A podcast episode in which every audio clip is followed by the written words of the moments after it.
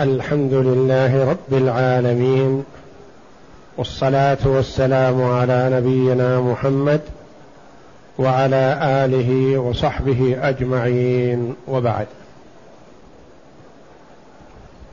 سبق أن عرفنا أن ذوي الأرحام يرثون بالتنزيل أي ينزل كل واحد منزلة من أدلى به. بخلاف العصبة وأصحاب الفروض فإنهم يرثون من الميت مباشرة. أما ذوي الأرحام فهم بالتنزيل. ينزل ذوي الرحم بمنزلة من أدلى به. إيضاح هذا لو أن خمس بنات ابن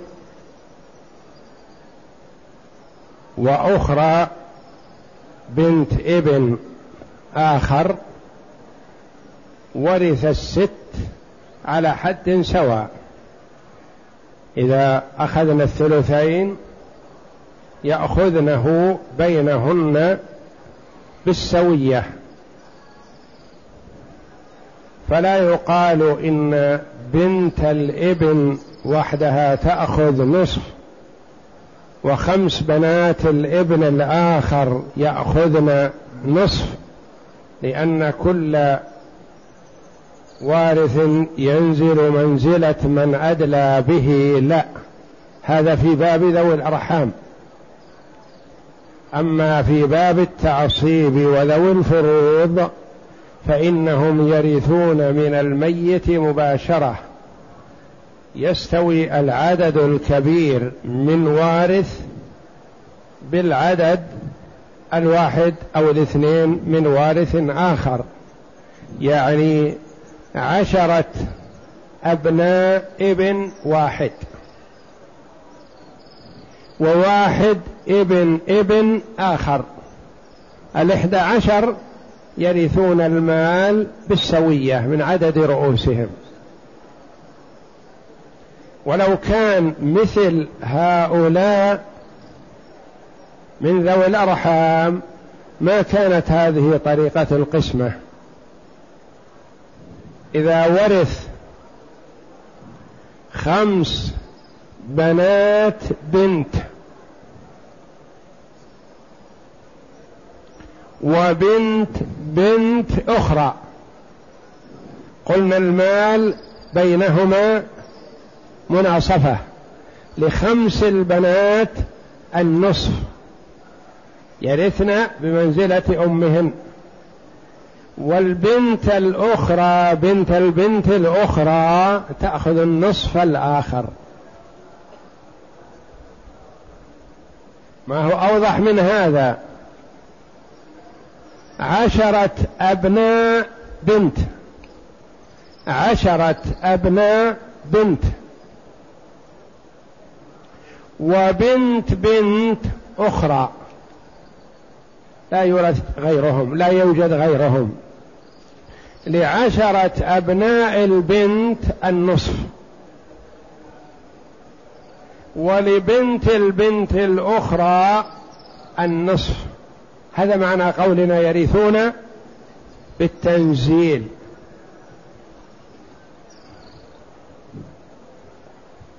يرثون بالتنزيل. بنت بنت أخذت النصف وعشرة أبناء بنت أخرى أخذوا النصف.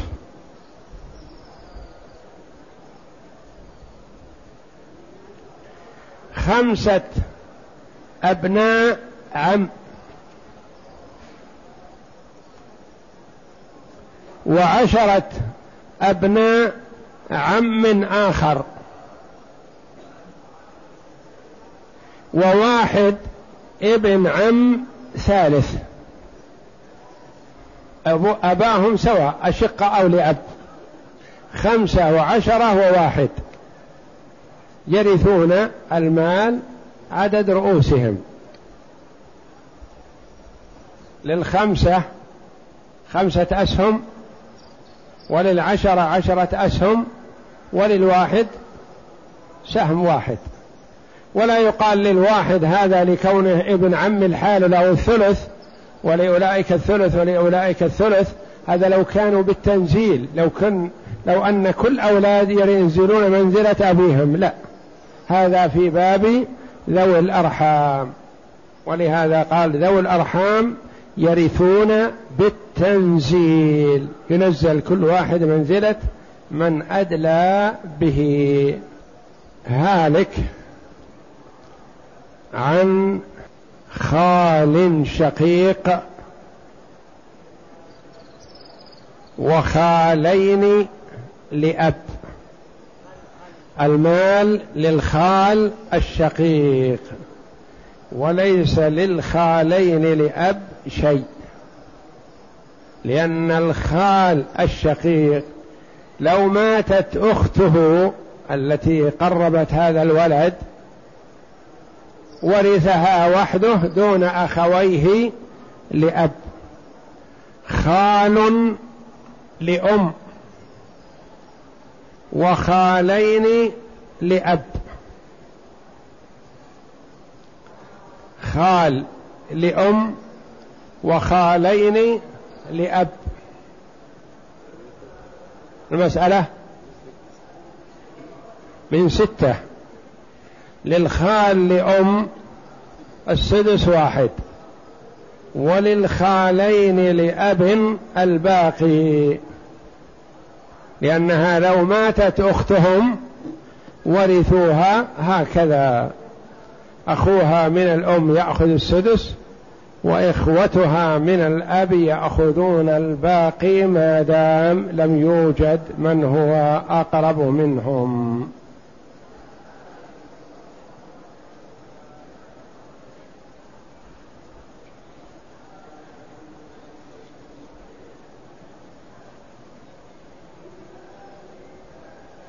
اقرأ إذا أدلى جماعة. إذا أدلى جماعة من ذوي الأرحام بجماعة فما صفة إرثهم؟ لا يخلو الإدلاء إدلاء ذوي الأرحام إما أن يكون الوارث من ذوي الأرحام واحد. فإنه يأخذ المال كله.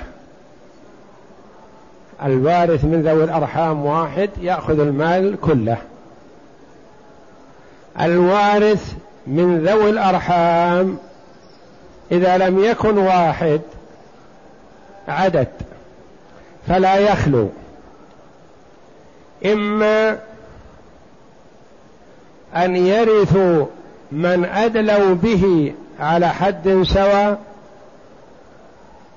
أو يرثوا من أدلوا به متفاوتين.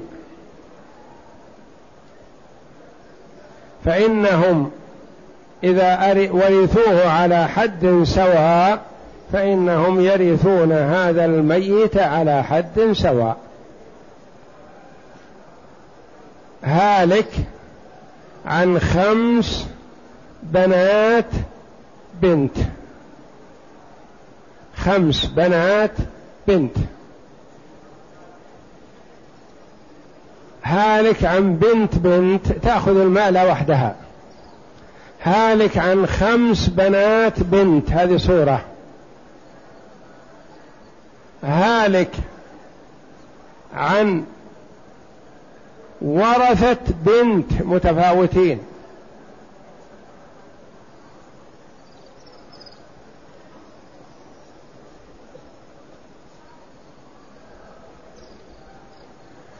بنت بنت وبنت ابن بنت. بنت ابن بنت.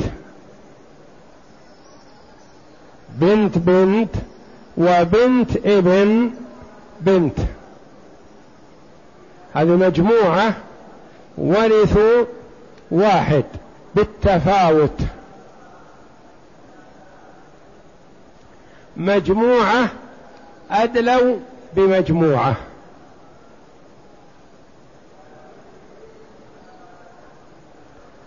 أولاد بنات وأولاد بنات ابن وبنات إخوة. أدلى مجموعة بمجموعة. ثلاث صور. أدلى مجموعة بشخص على حد سواء. أدلى مجموعة بشخص متفاوتين. أدلى مجموعة بمجموعة.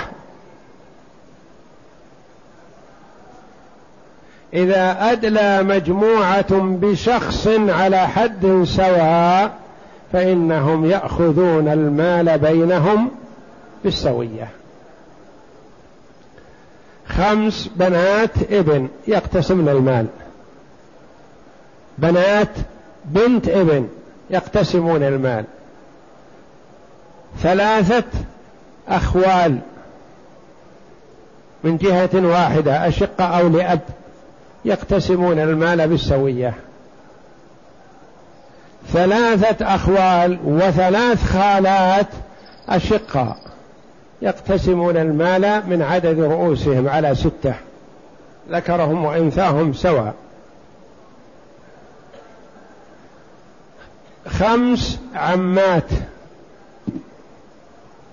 يقتسمن المال بالسوية ما دام درجتهن واحدة وقوتهن واحدة.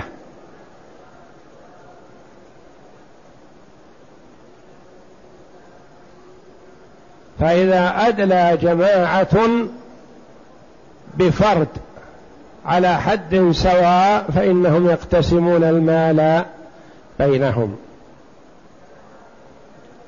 أدلى جماعة بفرد ميراثهم منه متفاوت. خالة شقيقة وخالة لأب. خالة شقيقة وخالة لأب أدلوا بالأم. وهم للأم ليسوا على حد سواء. فالمسألة من ستة. للشقيقة النصف ثلاثة. وللتي لأم السدس واحد. وترد إلى أربعة.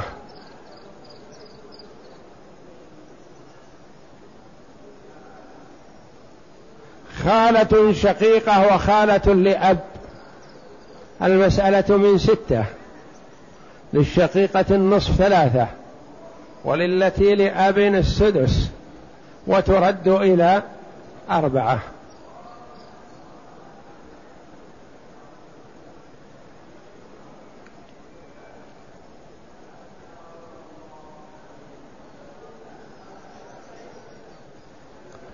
أدلى جماعة بفرد ميراثهم منه متفاوت كما تقدم. الآن معنا أدلى جماعة من ذوي الأرحام بجماعة. جماعة أدلوا بالأم. جماعة أدلوا بالبنت. جماعة أدلوا بالأب. فكيف الميراث؟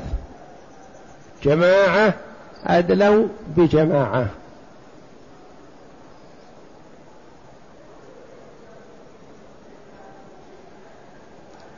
عمة وخالة وبنت بنت. كيف الميراث؟ أدنى جماعة عمة خالة بنت بنت. بجماعة أب أم بنت. العمة تدلي بالأب بمنزلة الأب. والبنت بنت البنت منزلة البنت. والخالة بمنزلة الأم. هذا موضوعنا الآن. جماعة بجماعة. كيف القسمة؟ نقول نجعل كأن الميت مات عمن أدلى به هؤلاء. مات عن عمة. العمة تدري بمن؟ بالأب اكتب الأب. عن خالة الخالة تدري بمن؟ بالأم. أب وأم. بنت بنت تدري من بالبنت.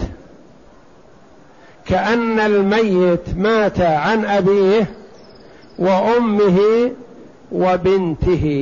إذا مات عن هؤلاء ماذا نقول؟ نقول للبنت النصف. فيكون لبنت البنت. للأم السدس. فيكون للخالة. مسألة من ستة. للأب الباقي. السدس فرضا والباقي تعصيبا. كم يبقى؟ اثنان يأخذ سدسين. سدس فرضا وسدس تعصيبا فيكون للعمة هكذا أدلى جماعة بجماعة. اجعل كأن الميت مات عن من أدلى به هؤلاء من ذوي الأرحام. هالك عن عمة وبنت أخ لأب. هالك عن عمة وبنت أخ لأب.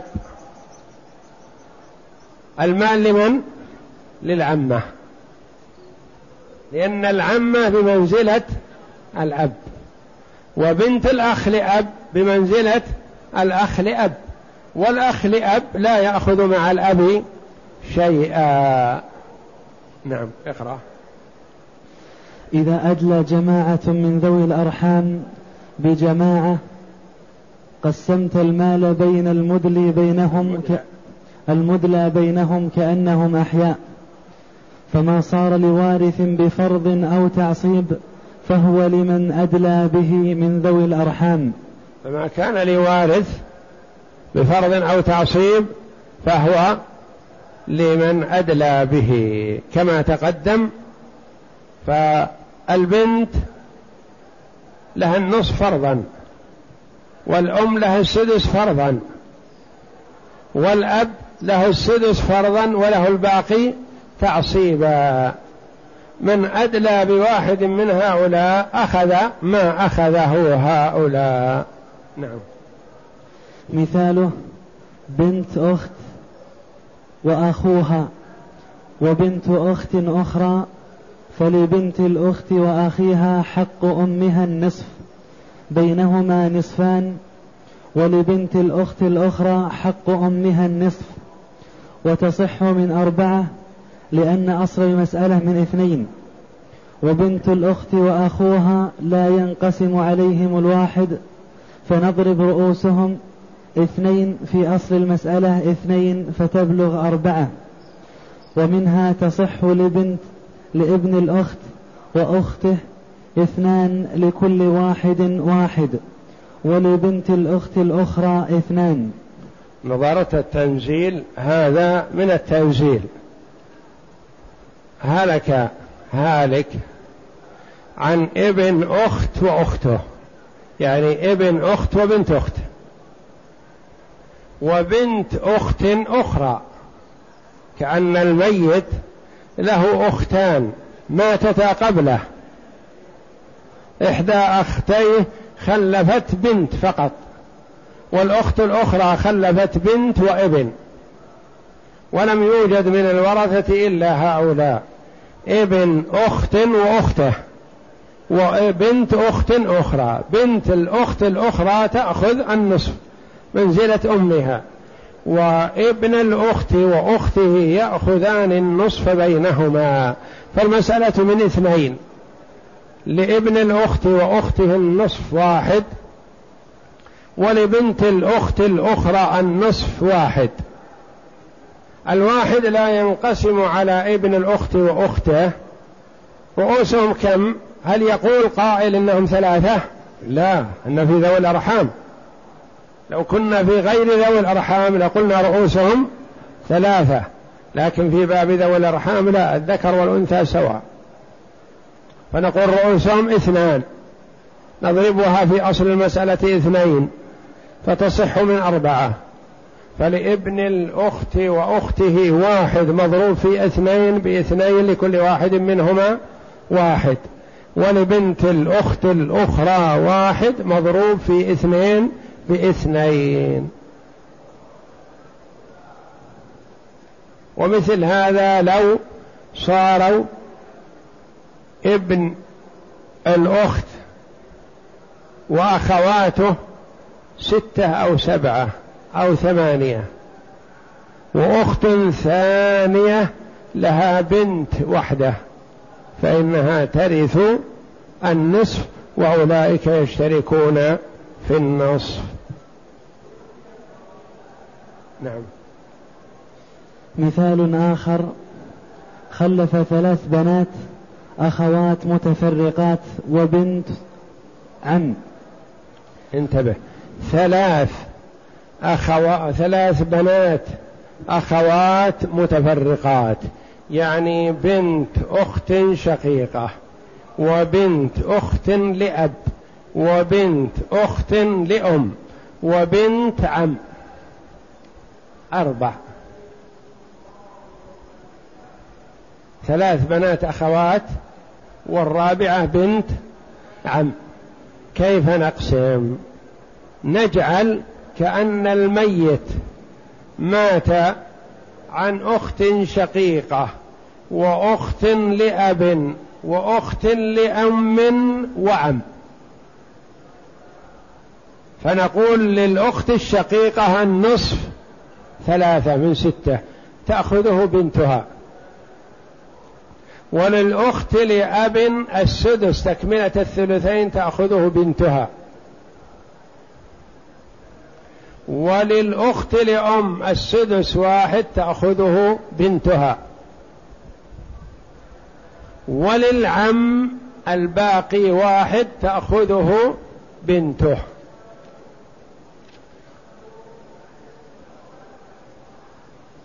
ولو أن بنات الأخت الشقيقة ست اشتركنا في النصف. وتأخذ بنت الأخت لأب واحد من ستة. وتأخذ بنات الأخت الشقيقة ثلاثة على ستة.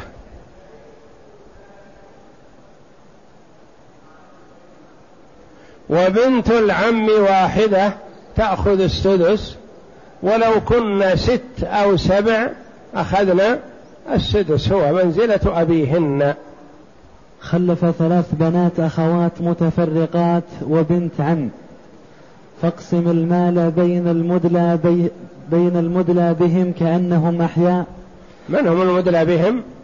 الأخت الشقيقة الأخت لأب الأخت لأم العم. نعم. فالمسألة من ستة. للأخت لأبوين النصف ثلاثة وللأخت لأب السدس واحد وللأخت لأم السدس واحد وللعم الباقي واحد. فتصح من أصلها ستة فأعطي بنت الشقيقة ثلاثة حق أمها وبنت الأخت لأب واحد حق أمها. وبنت الأخ لأم واحد حق أمها وبنت الأخت هنا في المثال والسابق بس هنا قال عند الكتابة وبنت الأخ لأم وهي الأخت. وبنت الأخت لأم واحد حق أمها. لأنه هنا قال حق أمها وما قال حق أبيها. ولا هو ما يختلف. لكن المسألة في الأول ثلاث بنات خوات متفرقات فمنها أخت لأم ما هو أخ لأم؟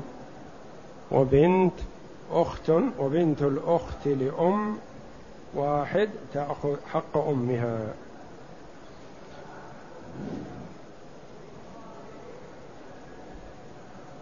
نعم. وبنت الأخت لأم واحد حق أمها وبنت العم واحد حق العم.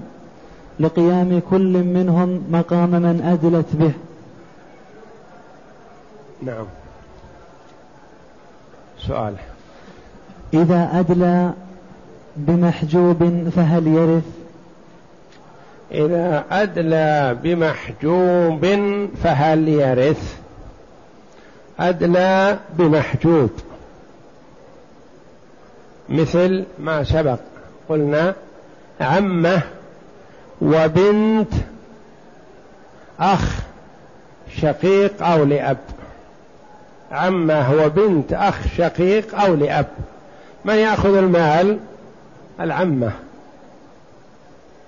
لأن بنت الأخ أدلت بمحجوب. من هو المحجوب؟ أدلت بنت الأخ أدلت بمحجوب. بنت الأخ أدلت بالأخ. والأخ مع الأب محجوب. نعم. إذا حجب إذا حجب بعض الورثة المدلى بهم بعضا فلا إذا حجب بعض الورثة المدلى بهم بعضا.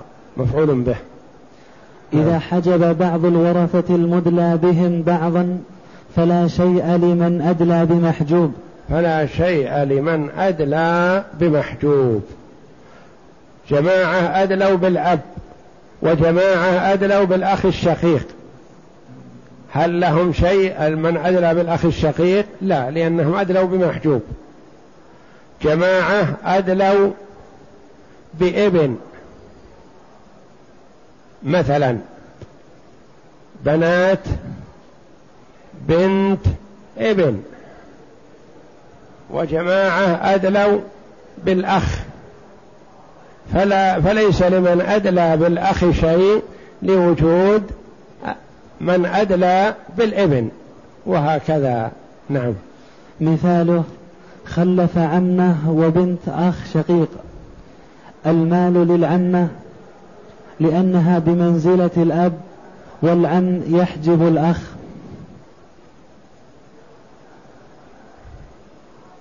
لا. المال للعمة لأنها بمنزلة الأب والأب يحجب الأخ. والأب مو بالعم لأن ما عندنا عم هنا الآن. عندنا عمة. والعمة بمنزلة الأب. والأب المال للعمة لأنها بمنزلة الأب والأب يحجب الأخ. كم جهات ذوي الأرحام وما هي؟ وهل يقد كم جهات ذوي الأرحام؟ ليس المراد أصناف. أصناف تقدمت إحدى عشر. الجهات ثلاث فقط. نعم. وهل يقدم بالسبق وهل يقدم بالسبق إلى الورثة؟ جهات ذوي الأرحام ثلاثة. وهي أولا أبوة والثاني أمومة والثالث بنوة. أبوة وأمومة وبنوة ثلاث. وهل يقدم بالسبق إلى الورثة؟ نعم يقدم. نعم. وإن سبق أحد من ذوي الأرحام إلى وارث قدم وسقط غيره إذا كانوا من جهة واحدة. إذا كانوا من جهة واحدة.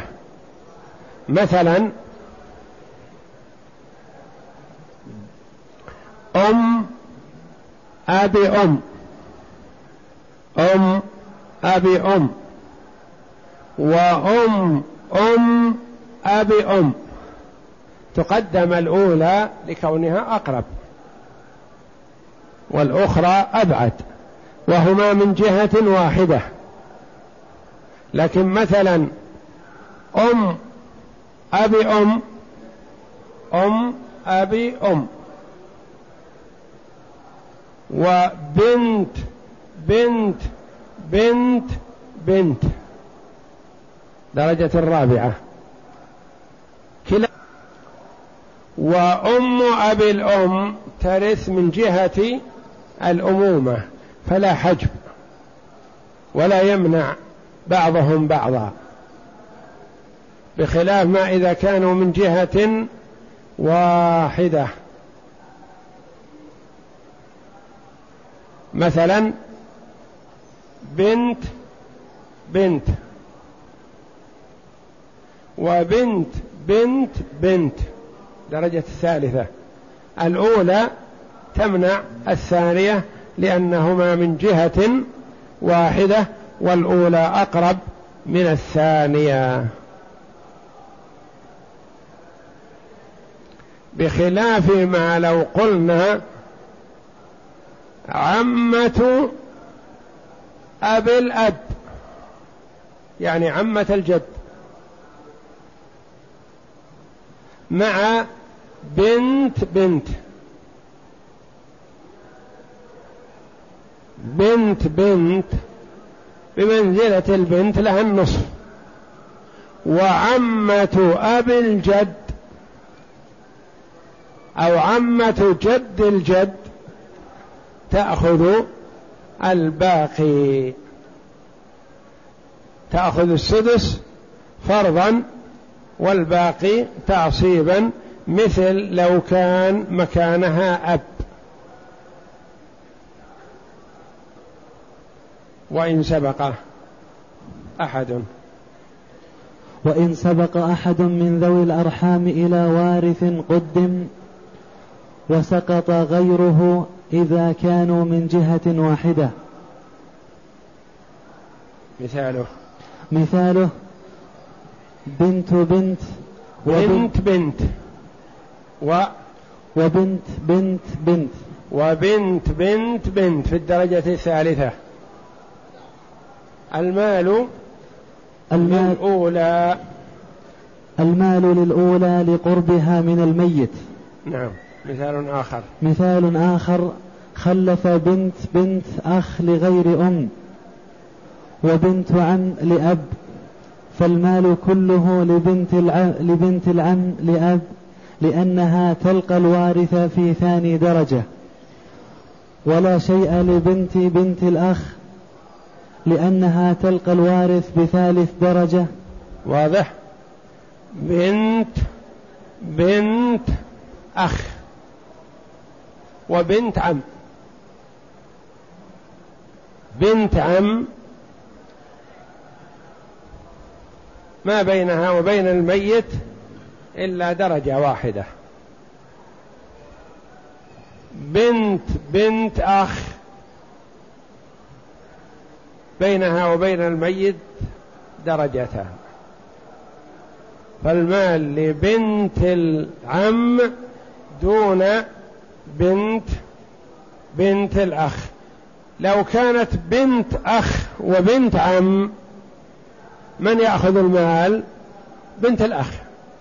بنت الأخ تأخذ المال لأنها بمنزلة الأخ وبنت العم بمنزلة العم. فإذا وجد عم وأخ يأخذ المال الأخ. نعم. فإن كانوا ذو أرحام من جهتين فأكثر فينزل البعيد حتى ينزل فينزل, فينزل البعيد حتى يصل إلى الوارث فيأخذ فيأخذ نصيبه سواء سقط به القريب أو لا. فإن كان ذو الأرحام من جهتين فأكثر. فلا يحجب القريب البعيد كما مثلنا بأبي الأم. إذا كانوا من جهتين لا يحجب القريب البعيد. فمثلا هالك عن بنت بنت بنت بنت بنت بالخامسة. وهالك عن أبي أم. أبي أم. فهؤلاء من جهتين تقرب البنت البعيدة حتى تأخذ نصيب جدة جدتها. والأب الأم يأخذ نصيب الأم. نعم. مثاله بنت بنت بنت بنت في الدرجة الخامسة وبنت بنت أخ لغير لغير أم فالأولى فللأولى النصف. لأنها فللأولى النصف. لأنها بمنزلة البنت. فللأولى النصف لأنها بمنزلة البنت وللثانية الباقي لأنها بمنزلة الأخ لاختلاف الجهة. وإن كانت بنت البنت أنزل مثلا بنت بنت بنت بنت. وبنت بنت أخ. بنت بنت الأخ أقرب. لكن كل واحدة تدلي بجهة ب فتأخذ الأولى النصف لأنها تدلي بالبنت والثانية الباقي لأنها بمنزلة الأخ لاختلاف الجهة. والله أعلم وصلى الله وسلم وبارك على عبده ورسول نبينا محمد وعلى آله وصحبه أجمعين. يقول السائل ما حكم أداء العمرة عن الأحياء؟ العمرة عن الحي لا تصح إلا بعد علمه وإذنه في ذلك وبشرط أن يكون غير قادر على الوصول إلى مكة. فإن كان قادر فلا يعتمر عنه. والوالدان وغيرهما في هذا سواء.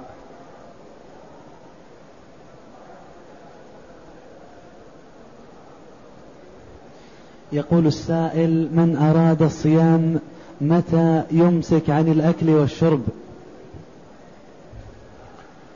من أراد الصيام يمسك عند طلوع الفجر.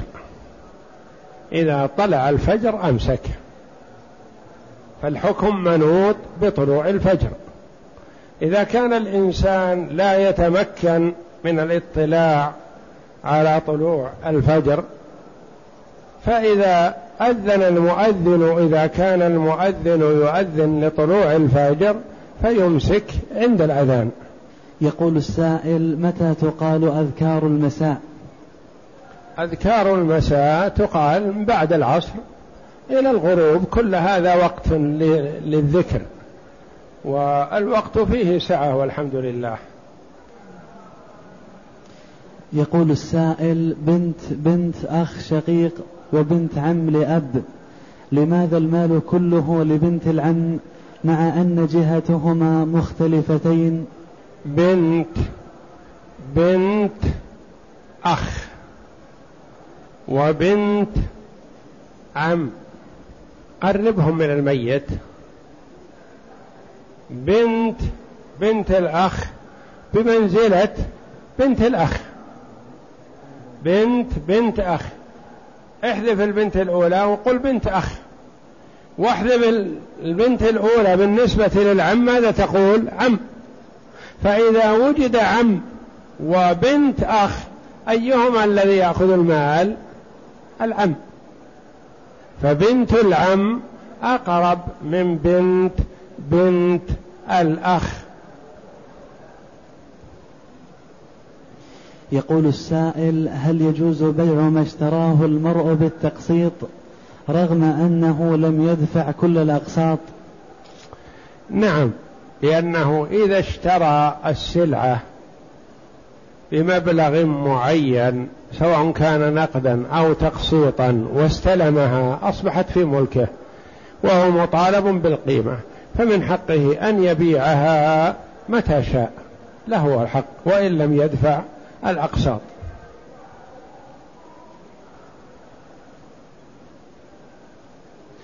يقول السائل خالي هل يجوز لبنتي أن تكشف عنه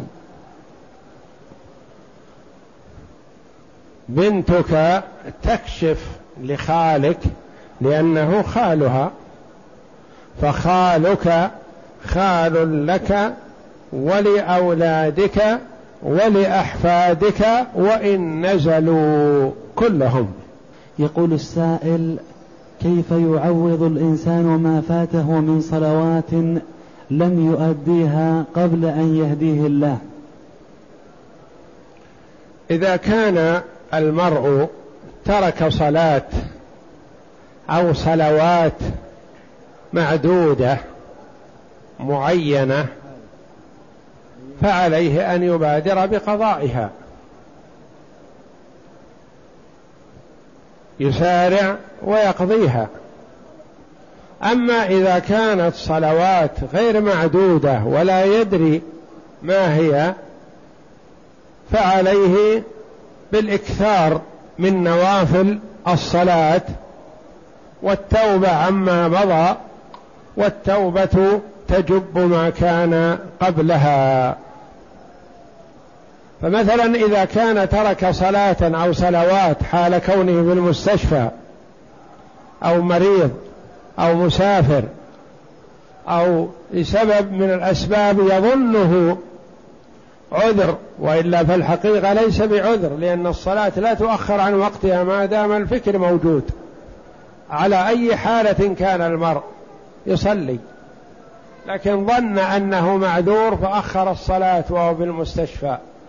فخرج من المستشفى. نقول عليك أن تبادر بقضاء الصلوات التي تركتها يوما أو يومين أو ثلاثة أو عشرة أو أكثر أو أقل. أما إذا كان المرء كان في أول عمره ما كان يصلي ثم من الله عليه بالهداية أو كان يصلي أياما ويترك أياما وأشهرا. هذا عليه التوبة والندم على ما فرط منه والعزم على أن لا يعود والمحافظة على الصلوات الخمس إذا كان رجلا جماعة مع المسلمين وإذا كان امرأة ففي بيتها. ويكثر من نوافل الصلاة ليكفر الله عنه ما مضى والتوبة تجب ما كان قبلها. يقول السائل ما هي السنن المؤكدة؟ الرواتب عشر أو اثنى عشر.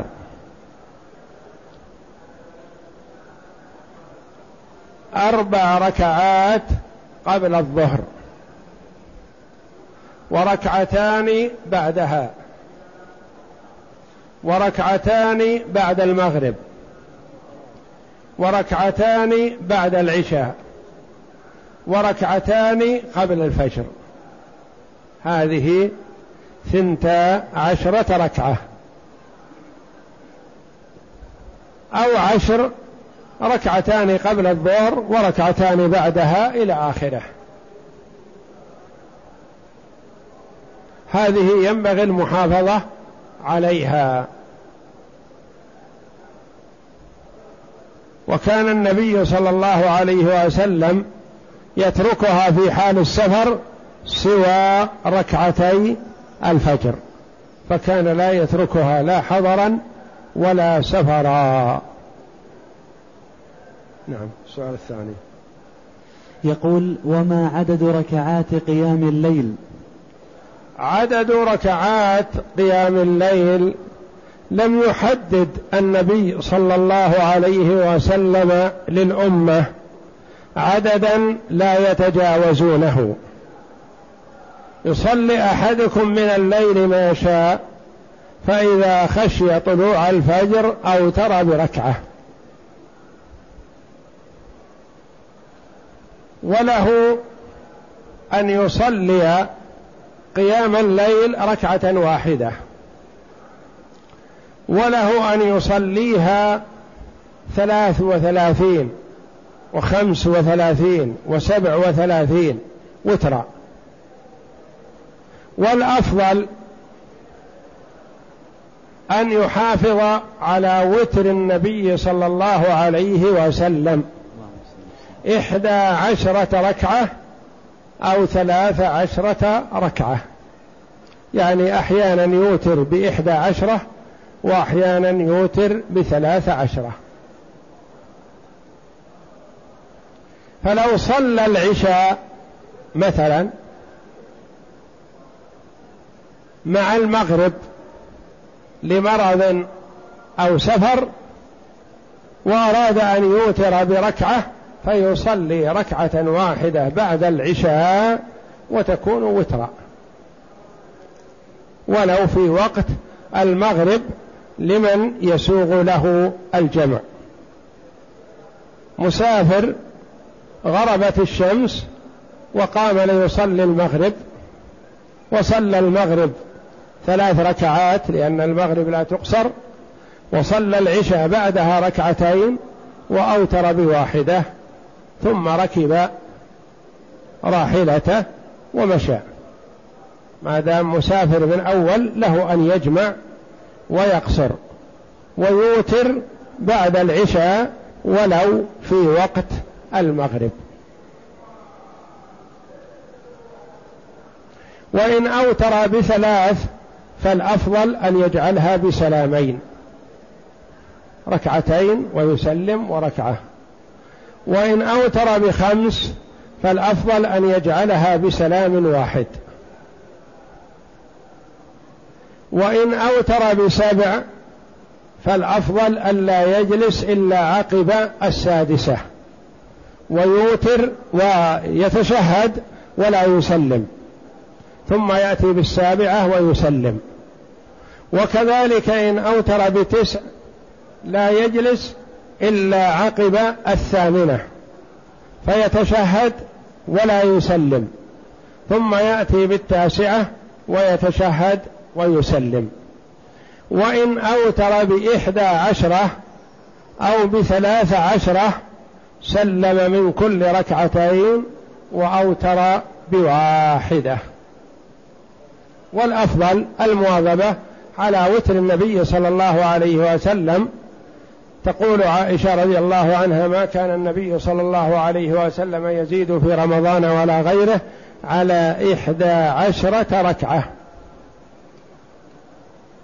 لكن صلاته الإحدى عشرة ركعة لا تسأل عن حسنهن وطولهن كما قالت عائشة. فقد يصلي الركعة الواحدة بالبقرة والنساء وآل عمران. في ركعة واحدة. فإذا واظب المرء على وتر النبي صلى الله عليه وسلم فذلك حسن. وسواء كان الوقت واسع أو ضيق لأنه ممكن أن يؤدي الإحدى عشرة ركعة بنصف ساعة. وممكن أن يؤديها بثلاث وأربع وخمس ساعات. إن كان في الوقت ساعة أطال القراءة والركوع والسجود. وإن كان في الوقت ضيق خفف القراءة والركوع والسجود. وتقول عائشة رضي الله عنها من كل الليل أوتر رسول الله صلى الله عليه وسلم. من أوله وأوسطه وآخره وانتهى وتره إلى السحر. يعني أفضل وآكد وقت الوتر هو وقت السحر يعني قبيل طلوع الفجر. فمن كان يثق من نفسه القيام آخر الليل فوتره آخر الليل أفضل. ومن كان لا يثق القيام لا يثق من نفسه القيام يخشى أن لا يقوم إلا لصلاة الفجر فالأفضل أن يوتر من أول الليل.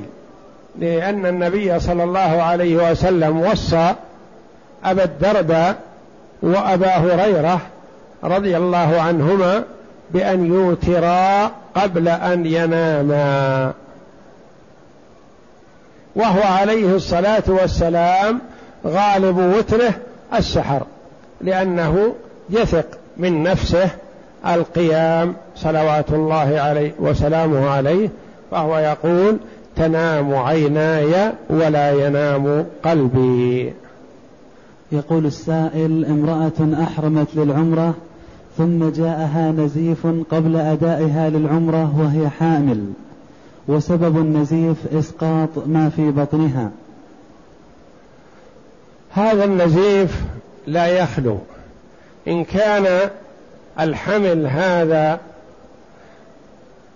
الذي سقط تبين فيه خلق إنسان فحكم هذا الدم حكم النفاس. ما تصلي معه ولا يصح منها الصيام ولا الطواف.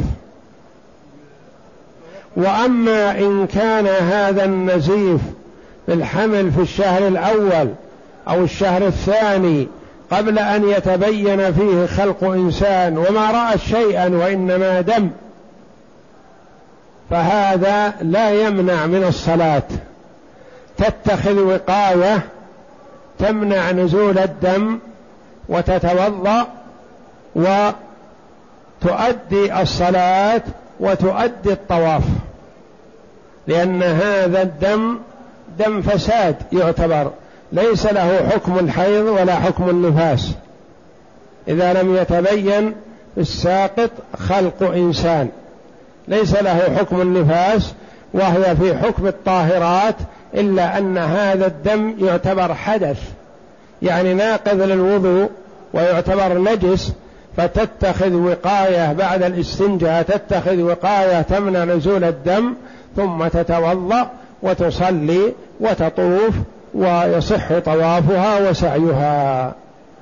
أما إن كان قد تبين فيه خلق إنسان فهذا حكمه حكم النفاس. لا يصح معه الصلاة وكذلك لا تطوف إلا في حالة كأن يكون يباغتها السفر ويتأخر انقطاع الدم عنها فحينئذ تسأل طالب علم يجتهد لها فيخبرها. يقول السائل ما حكم التعلق في جدار الكعبة؟ التعلق بجدار الكعبة هذا بالنسبة للحجر لل... للملتزم من الحجر الأسود إلى باب الكعبة أو من الحجر الأسود إلى مدخل الحجر من جهة الباب.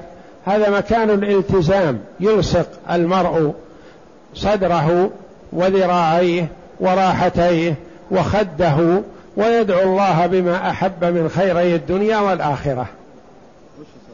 أما في غير هذا المكان فلا يجوز أن يلصق جسمه بجدار الكعبة من جهة الحجر أو من جهة ما بين الركن اليماني والحجر.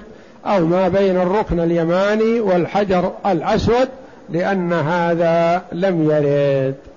هذا يسأل عن الطلاق والحلف بالطلاق وما إلى ذلك. هذا بالرجوع إلى المحكمة. هذا يقول هل يقع طلاق الرجل لزوجته وهو في السعودية وامرأته في مصر؟ يقع. إذا طلق في حال رشده وعقله يقع.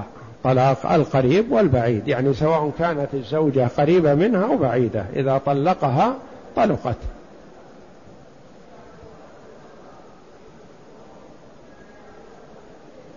يقول السائل طواف الوداع هل بعده سعي بين الصفا والمروة؟ بعد طواف الوداع لا سعي السعي مرة واحدة سبعة أشواط في الحج وسبعة أشواط في العمرة فقط ولا يكرر. والطواف يستحب تكريره في كل وقت. وبعد طواف الوداع ليس هناك ساعي.